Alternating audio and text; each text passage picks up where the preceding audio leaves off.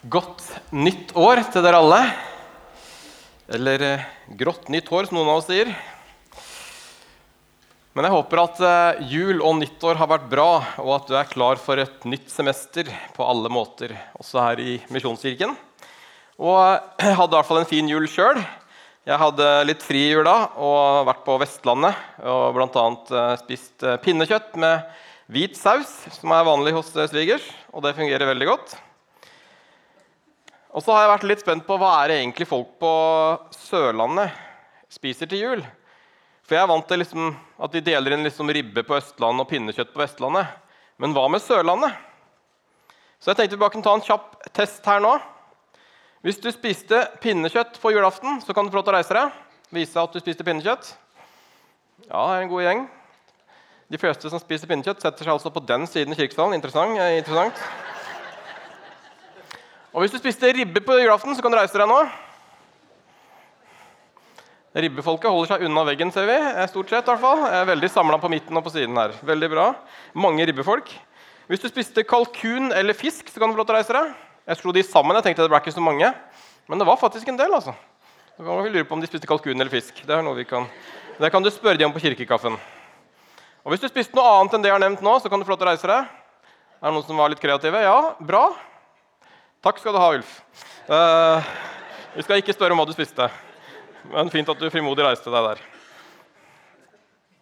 Vi spiste i hvert fall forskjellige ting. Og hvorfor driver han med det her nå, tenker du? Har ikke talen begynt? Jo, den har det. Og det vi gjorde nå, det var å synliggjøre at vi er ulike. Noen liker det ene, noen liker det andre. Og noen måtte sikkert spise noe på julaften som ikke var førstevalget. Og sånn er det noen ganger, dessverre. Men poenget er i hvert fall at vi er forskjellige. Og Likevel så er vi samlet her i dag sammen med et felles fokus Gud. Og så kan vi få lov til å ha fellesskap med hverandre, ikke pga. ulikhetene, men på tross av dem. Fordi vi også har noe til felles, en tro på noe som er større enn oss selv. Og Derfor kan vi samles som et menighetsfellesskap, og det er det unike med menighetsfellesskapet. Og Det skal være noe godt, det skal være noe positivt. Og så er det kanskje ikke alltid at det oppleves slik. Og Derfor så bærer altså årets første taleserie navnet 'Tett på hverandre'. Og Det er kjekt å se at vi sitter tettere på hverandre. Kjekt å se at noen tør å sette seg på første rad. Veldig bra. Supert. Og Det er jo ikke et tema som er tatt ut av luften, men det er et ledd i vår nye visjon som vi vedtok her for ca. en måned siden i menigheten. Og Den nye visjonen vår den lyder sånn. Grimstad visjonskirke skal også være tett på Jesus, hverandre og Grimstad. Og så har vi fra før hatt noen verdier. Rotfestet, raus og relevant. Og de har vi hatt lenge. De står på døra ute i gangen her. Vi ønsker å leve ut og være rotfesta, være rause og være relevante. Og så har vi også lagt på noen elementer som underbygger også den nye visjonen. Ved at vi kan si at vi ønsker å være rotfestet i Jesus, rause med hverandre og relevante for Grimstad. Og Denne nye visjonen tett på Jesus, hverandre og Grimstad, den vil være utgangspunktet for tre taleserier dette semesteret her i kirken. Vi har fordelt litt utover, så vi har også tett på hverandre én element nå her i januar. Og så kommer vi til å få se på ett element i mars og ett element i mai. sånn røffelig. Men vi starter altså med dette leddet her, tett på hverandre. Ordet 'tett på' er også inspirert av eh, historien om Philip og hoffmannen, som du finner i Apostlenes gjerninger kapittel 8, som vi tror er en viktig historie for oss som menighet, der vi er i dag. Så vi kaller det for menighetens bibelhistorie. Og I den fortellingen så får Philip lov til å holde seg tett opptil vogna til hoffmannen og gå ved siden av den en periode. og Gjennom det så får han lov til å komme tett på hoffmannen og få lov til å bety en forskjell for han. Og Jeg tror at vi også kan få lov til å bety en forskjell for hverandre, men da må vi våge å tørre å være tett på hverandre og gå opp til hverandre i en periode eller lenger. Men hvorfor begynne på tett på hverandre? tenker kanskje du. Hvorfor ikke ta det i rekkefølgen og begynne med tett på Jesus, som jo kanskje er det aller viktigste? Tenker du, kanskje. Men det er også gode grunner for at vi begynner med tett på hverandre. Og for det første så er det jo slik at Tett på Jesus og tett på hverandre det er jo like viktig. Hør bare hva Jesus selv sier i Markus 12, vers 28-33, hvor det står En av de skriftlærde som hadde hørt på dette ordskiftet og lagt merke til hvor godt Jesus svarte, gikk bort til ham og spurte, 'Hvilke bud er det første av alle?' Jesus svarte, 'Det første budet er dette.' Hør, Israel, Herren vår Gud, Herren er én. Du skal elske Herren din Gud av hele ditt hjerte og av hele din sjel og av hele ditt sinn og av all din kraft. Det andre er dette. Du skal elske de neste som deg selv, og ikke noe annet bud er større enn disse. Og den skriftlærde sa til ham, du svarer godt, mester. Det er sant som du sier. Herren er én, og det er ikke noen annen enn han. Å elske ham av hele sitt hjerte og all sin forstand og all sin kraft, og å elske sin neste som seg selv, det er mer verdt enn alle brennoffer og andre offer. Så det å elske Gud og det å elske vår neste er altså mer verdt enn alle brennoffer og andre offer. Det er det viktigste av alt, og begge er altså like viktige. Så hvis vi bare elsker Gud, da, men ikke er så veldig opptatt av å elske naboen eller vår neste, så blir det på en måte bare halvhjerta. Hvis vi bare elsker vår neste og ikke Gud, så blir det også halvhjerta. Så vi trenger begge deler i våre liv. og Derfor også jeg tror at Jesus minner oss om dette ved flere anledninger. At om vi ønsker å være helhjertede etterfølgere av Jesus Kristus, så må vi både elske Gud og elske vår neste. Og jeg tror at Vi trenger å bli enda flinkere til å elske hverandre også her i menigheten. For hvis ikke vi som menighetsfellesskap er tett på hverandre, hvis ikke vi ser hverandre, hvem skal da se de nye som måtte komme inn her i menighetsfellesskapet? Så Vi har dette leddet tett på hverandre med i visjonen. For vi tror at det er så viktig at vi som menighet er tett på hverandre. At vi elsker hverandre, bryr oss om hverandre, og at vi har et godt fellesskap også innad i menigheten. Ikke bare for at det skal være et attraktivt fellesskap for de som ikke er med allerede, men også fordi vi tror at det er viktig å være tett på de som har vært med i menigheten lenge. Også fordi at alle er like viktige. Galaterbrevet 6.10 så står det så la oss gjøre godt mot alle så lenge det er tid, og mest mot dem som er våre søsken i troen. Vær tettest på de som er dine søsken i troen, sier Paulus. Og Jeg tror at det er en grunn til at han skriver det. At det er der vi kanskje må begynne, og at det er viktig at vi begynner der. Kan det hende at du sitter her nå og tenker at men er vi ikke gode på det her, da, Knut? Og jo, det er jo heldigvis noen som opplever at vi er det. Men det er også andre som ikke opplever det slik.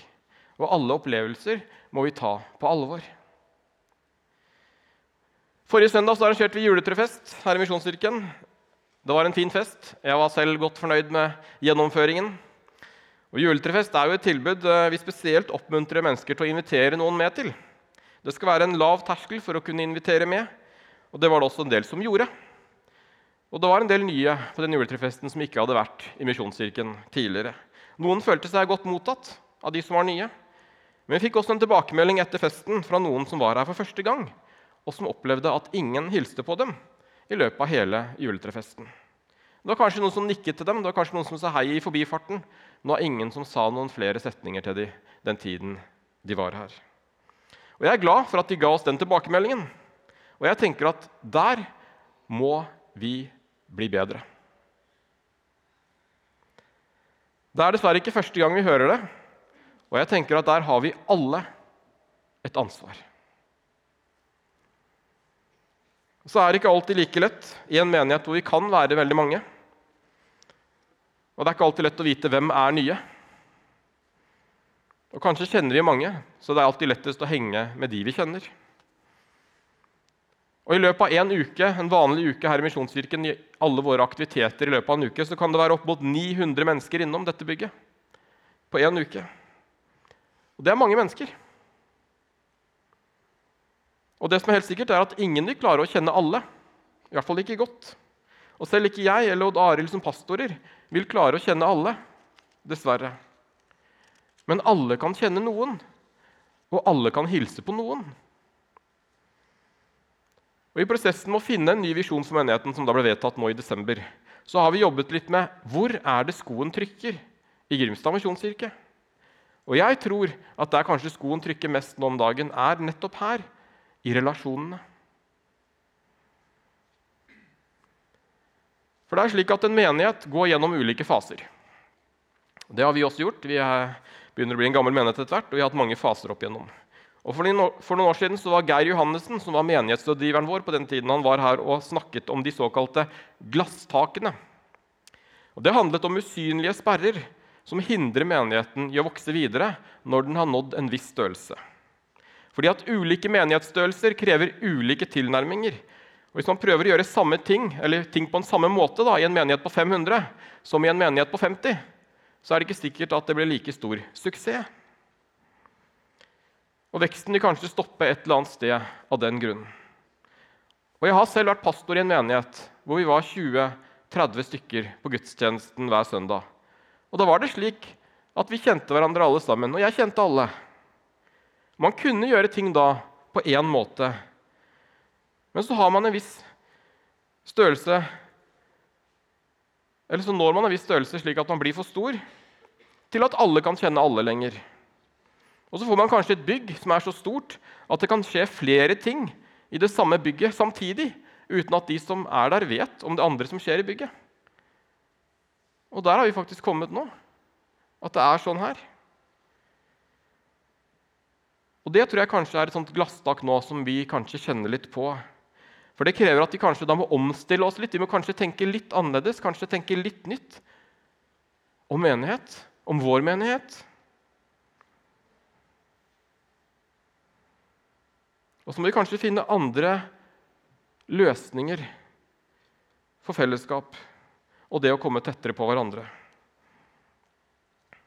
Og det er det Vi kommer til å se litt på ulike måter nå disse tre søndagene, så jeg håper du får med deg disse tre søndagene. For Hvis vi der skoen trykker, så håper jeg at vi kan sammen prøve å hva kaller man da? Gjøre skoen større? eller et eller annet. Tilpasse skoen, da, så ikke den trykker svart lenger. Og Jeg kjenner at det utfordrer meg. i hvert fall at vi er blitt en stor menighet. Det utfordrer meg at ikke jeg kjenner alle. Det utfordrer meg når jeg møter noen på butikken som kanskje har vært innom menigheten et par ganger, og de har sett meg på plattformen og vet hvem jeg er. Og så vet ikke jeg hvem de er, og så sier jeg kanskje ikke hei på butikken. Så har jeg bare lyst til å si at I så fall så er det ikke med vilje at jeg går forbi uten å hilse. Og det vil jeg at du skal vite, oppleve, eh, vite om hvis du har opplevd det. Og Jeg har fått tilbakemelding fra noen om at det hadde vært fint om jeg som pastor kunne stått i døra etter gudstjenesten og ta alle i hånda på vei ut. For det gjorde nemlig pastoren i gamle dager når menigheten var litt mindre. Og så har jeg fortalt noen ord for jeg ikke står i døra. Og jeg kan selvfølgelig gjøre det noen ganger. Og jeg vil gjerne hilse på deg. Det er ikke det. Og jeg prøver å hilse på en del, spesielt på kirkekaffen hver søndag. Men det er også noen praktiske grunner til at ikke jeg står i døren hver søndag etter gudstjenesten. Men hovedsakelig så står jeg der ikke fordi jeg verken vil eller bør ta den rollen som den pastoren som skal kjenne alle. For hvis jeg tar eller får den rollen at, det er, at det er pastoren du tenker eller ønsker at den vennen som du inviterer med til kirka, skal bli kjent med, eller om det er pastoren din du forventer som skal bety en forskjell for din venn, eller for alle de som er nye i kirken, vel, så er det jeg som hadde blitt proppen. Da hadde kanskje jeg blitt glasstaket som hindrer vekst, hvis det var jeg som skulle bety noe for alle. For verken jeg eller Odd Arild eller noen andre her i kirken kan bety noe for alle. Og det er vanskelig å kjenne på, men det er også noe vi må innse. Og hvis du inviterer noen med deg i menigheten, så er det først og fremst du som inviterer med, som har et ansvar overfor din venn eller din familie. Og så har vi alle sammen et ansvar hver søndag til å ikke bare, også, ikke bare se nye, men også til å se de som har gått her lenge.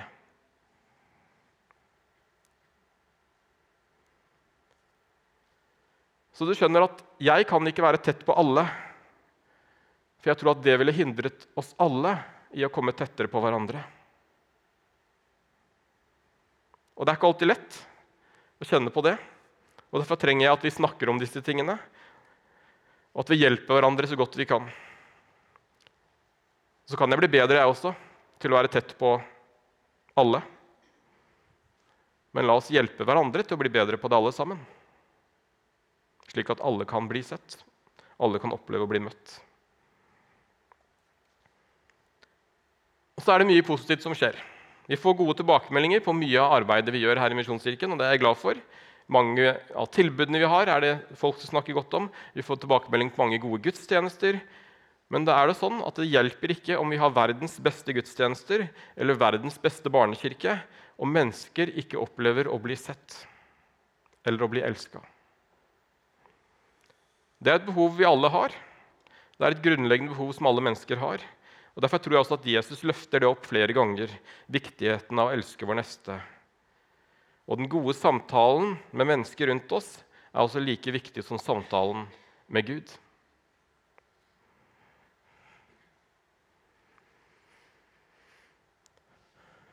Så det er viktig å være klar over hva vårt glasstak er, om vi ikke ser det. For hvis vi ikke er klar over det, så kan vi fort slite oss ut på å gjøre feil ting. Hvis vi slutter å vokse som menighet, så kan det være lett å tenke at vi bare må lage litt bedre gudstjenester. At pastoren bare må tale litt bedre, eller at musikerne bare må spille litt røffere.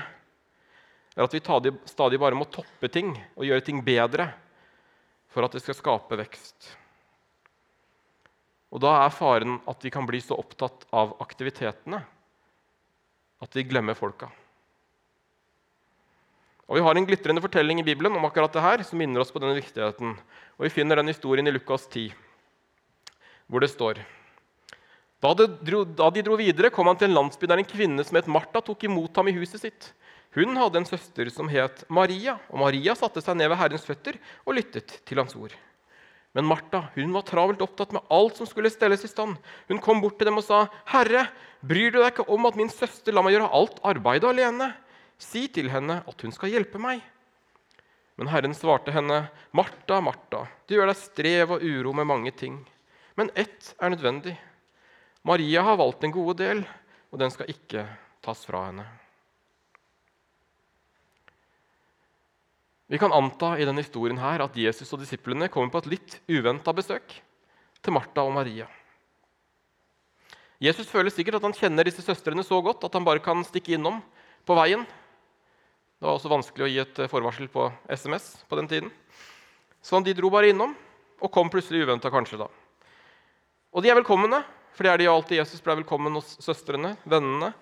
Og de slår seg ned i huset, og Maria setter seg ned ved Jesu føtter for å lytte og for å prate med han og ha en god samtale. Kanskje hun sier noe sånt som eh, 'Hva har skjedd siden sist, da, Jesus?' 'Har du noen ny lignelse på laget, kanskje?' Et eller annet sånt. Og Samtidig så står Martha altså på kjøkkenet og stresser. For hun var ikke forberedt på besøket. Så hun har mange ting som skal ordnes. Og hun gjør sitt beste for å være en god vertinne. Hun skal forberede snacks og drikke og jobbe på. Og så blir hun etter hvert irritert for at hun må stå og jobbe aleine, mens Martha Eh, nei, Maria bare sitter der og lar hun gjøre alt det praktiske. Og Sinnet bygger seg opp, og etter hvert så går hun altså ut eh, og avbryter samtalen og sier til Jesus altså, 'Herre, bryr du deg ikke? Du må liksom få søstera mi til å komme og hjelpe meg.' da. Jeg prøver liksom å få litt kvalitet over det her besøket her. Og Jesus som er god på samtale, han trapper jo ikke opp konflikten. Han sier ikke noe om liksom, hvordan våger du å avbryte samtalen. eller noen sånne ting. Men han sier på en rolig og mild måte, 'Martha, Martha, du gjør deg strev og uro med mange ting.' Han merker kanskje at Martha er litt stressa, litt overarbeida, og han ber henne bare roe seg litt ned. Trekker pusten dypt et par ganger, og så gir Jesus henne noe å tenke på. Det er på en måte som Jesus forteller henne at når jeg kommer på besøk, Martha, så er det ikke fordi at jeg har lyst på en femstjerners middag men jeg kommer for samtalen, vennskapet og fellesskapet. Det hadde kanskje Maria catcha, men ikke Martha. Så Maria har valgt en god del, sier Jesus, og den skal ikke tas fra henne. Så det Jesus sier egentlig da, og svarer på spørsmålet til Martha, det er jeg kommer ikke til å sende Maria ut på kjøkkenet for å gjøre en stor mengde ting som ikke spiller noen stor rolle i den store sammenhengen. egentlig. Og ved å støtte Maria så inviterer samtidig Jesus Martha til å gjøre det samme som Maria. Og jeg tror kanskje at det er nettopp det Martha trenger å høre og gjøre. At Jesus sier, 'Sleng fra deg alt du strever med, Martha'. Ikke mist relasjonene av syne midt i alle aktivitetene. Jeg tror Jesus sier det til oss også i våre travle liv, i alle våre aktiviteter, i all den tiden vi bruker på jobb, på skole, der vi er. La oss sette oss ned og ha tid til hverandre.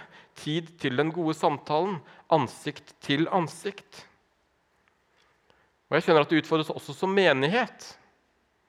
At vi ikke bare skal legge til rette for aktiviteter, men for at mennesker skal få ha en samtale både med mennesker, men også med Jesus og møte ham. Som kirke så kan vi bli altfor opptatt av kvaliteten på aktiviteten enn kvaliteten i samtalen. Og Hvis vi bare blir veldig gode på aktiviteter, så blir vi ofte også veldig dårlige på samtalen. Så jeg tror at dette med den gode samtalen bare blir viktigere og viktigere i tiden som ligger foran.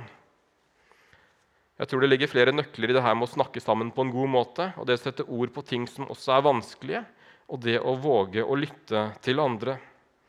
Og da må vi våge å snakke med hverandre ansikt til ansikt. I Johannes 3. så står det Jeg har ennå mye å si deg, men vil ikke gjøre det med penn og blekk. Jeg håper å besøke deg snart, så vi kan snakke sammen ansikt til ansikt. Nå bruker vi ikke så mye penn og blekk lenger. Men kanskje må vi noen ganger si i dag at jeg vil ikke ta det her over Messenger, SMS, Skype, Snap eller Insta. Men jeg vil ta det med deg ansikt til ansikt. For det går nemlig an å være tett på hverandre uten at vi er tett på hverandre. F.eks. sånn som det her. Det er ikke mye ansikt til ansikt, med mindre de er på videochat med hverandre. Her er et til. Det er kanskje noen som kjenner seg igjen.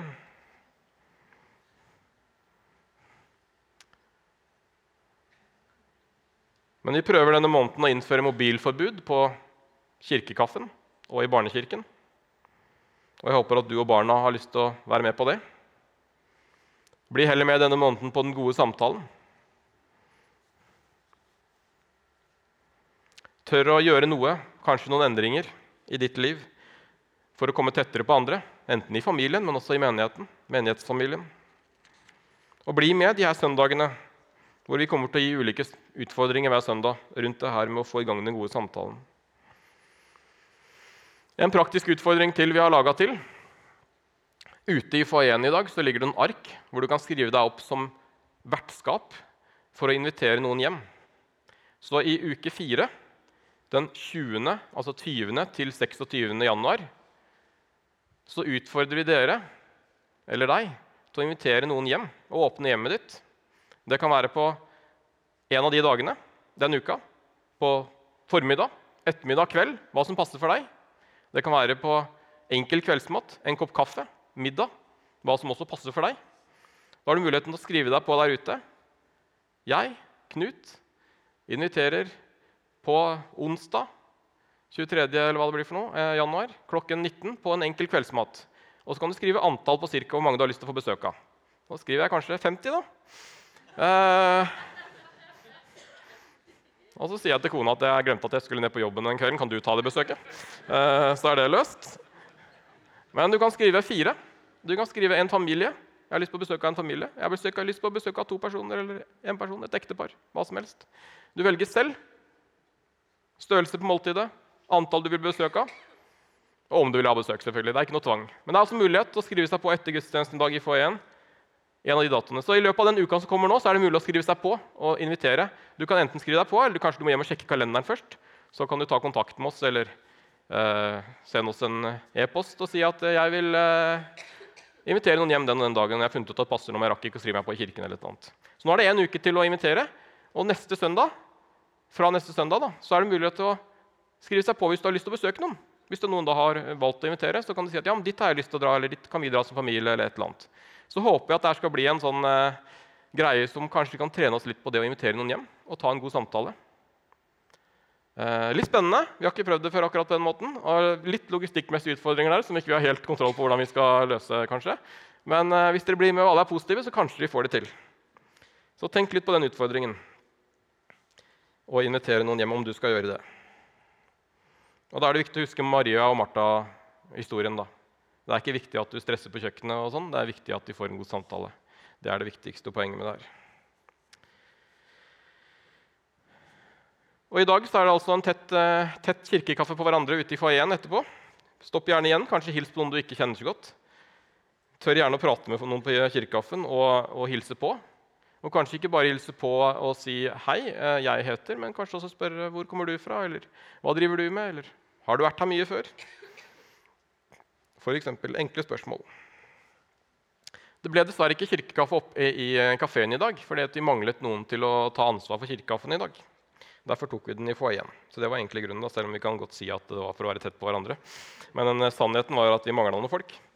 Så kanskje du eh, sitter her og tenker at eh, jeg er ikke så god på alltid den samtalen, og sånne ting, men jeg kunne godt tenke meg å være med og hjelpe til å legge til rette for den gode samtalen ved å ta ansvar for kirkekaffen kanskje en søndag i løpet av året eller halvåret eller sånt, sammen med noen andre kanskje som du tenker på. I så fall så gi oss gjerne beskjed, så kanskje vi kan få til kirkekaffe hver søndag. Hvis du har mulighet til å være med og hjelpe oss med det. Det var en annen utfordring. Yes.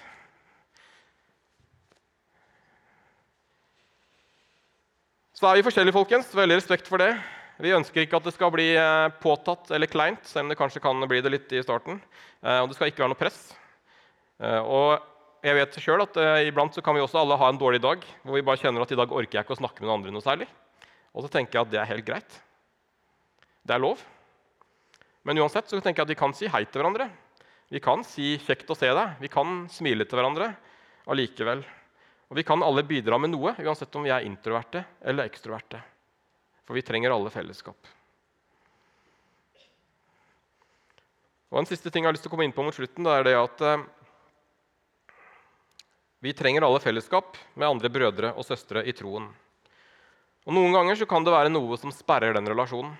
Det er den siste utfordringen i dag. For det er, om det er ting mellom deg og noen andre i menigheten som gjør det vanskeligere å være tett på hverandre, f.eks. at det er noe uoppgjort da, mellom en relasjon, noe som må snakkes om, noe som må tilgis, eller noe som må forsones, så ta tak i det.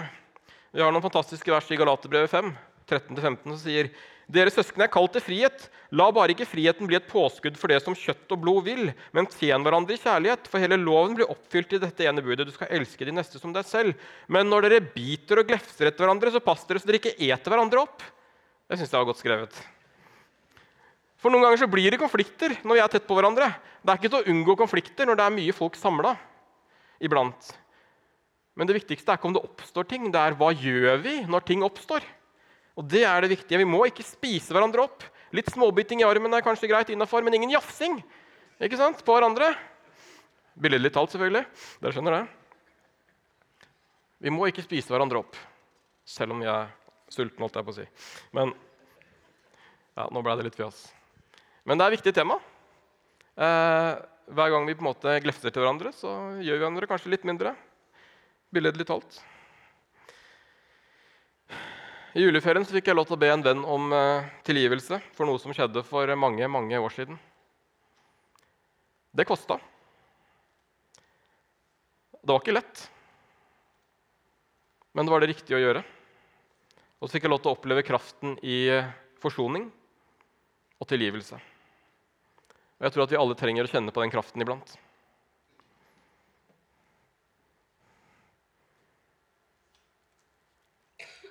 Og så kan vi ikke være bestevenner med alle. Men vi kan strebe etter å møte alle på en god måte.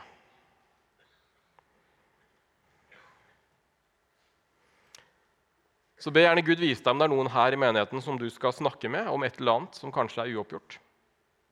Hvis Gud minner deg på noe, så ta tak i det. Så kan kanskje det også være med på å hjelpe oss til å komme tettere på hverandre.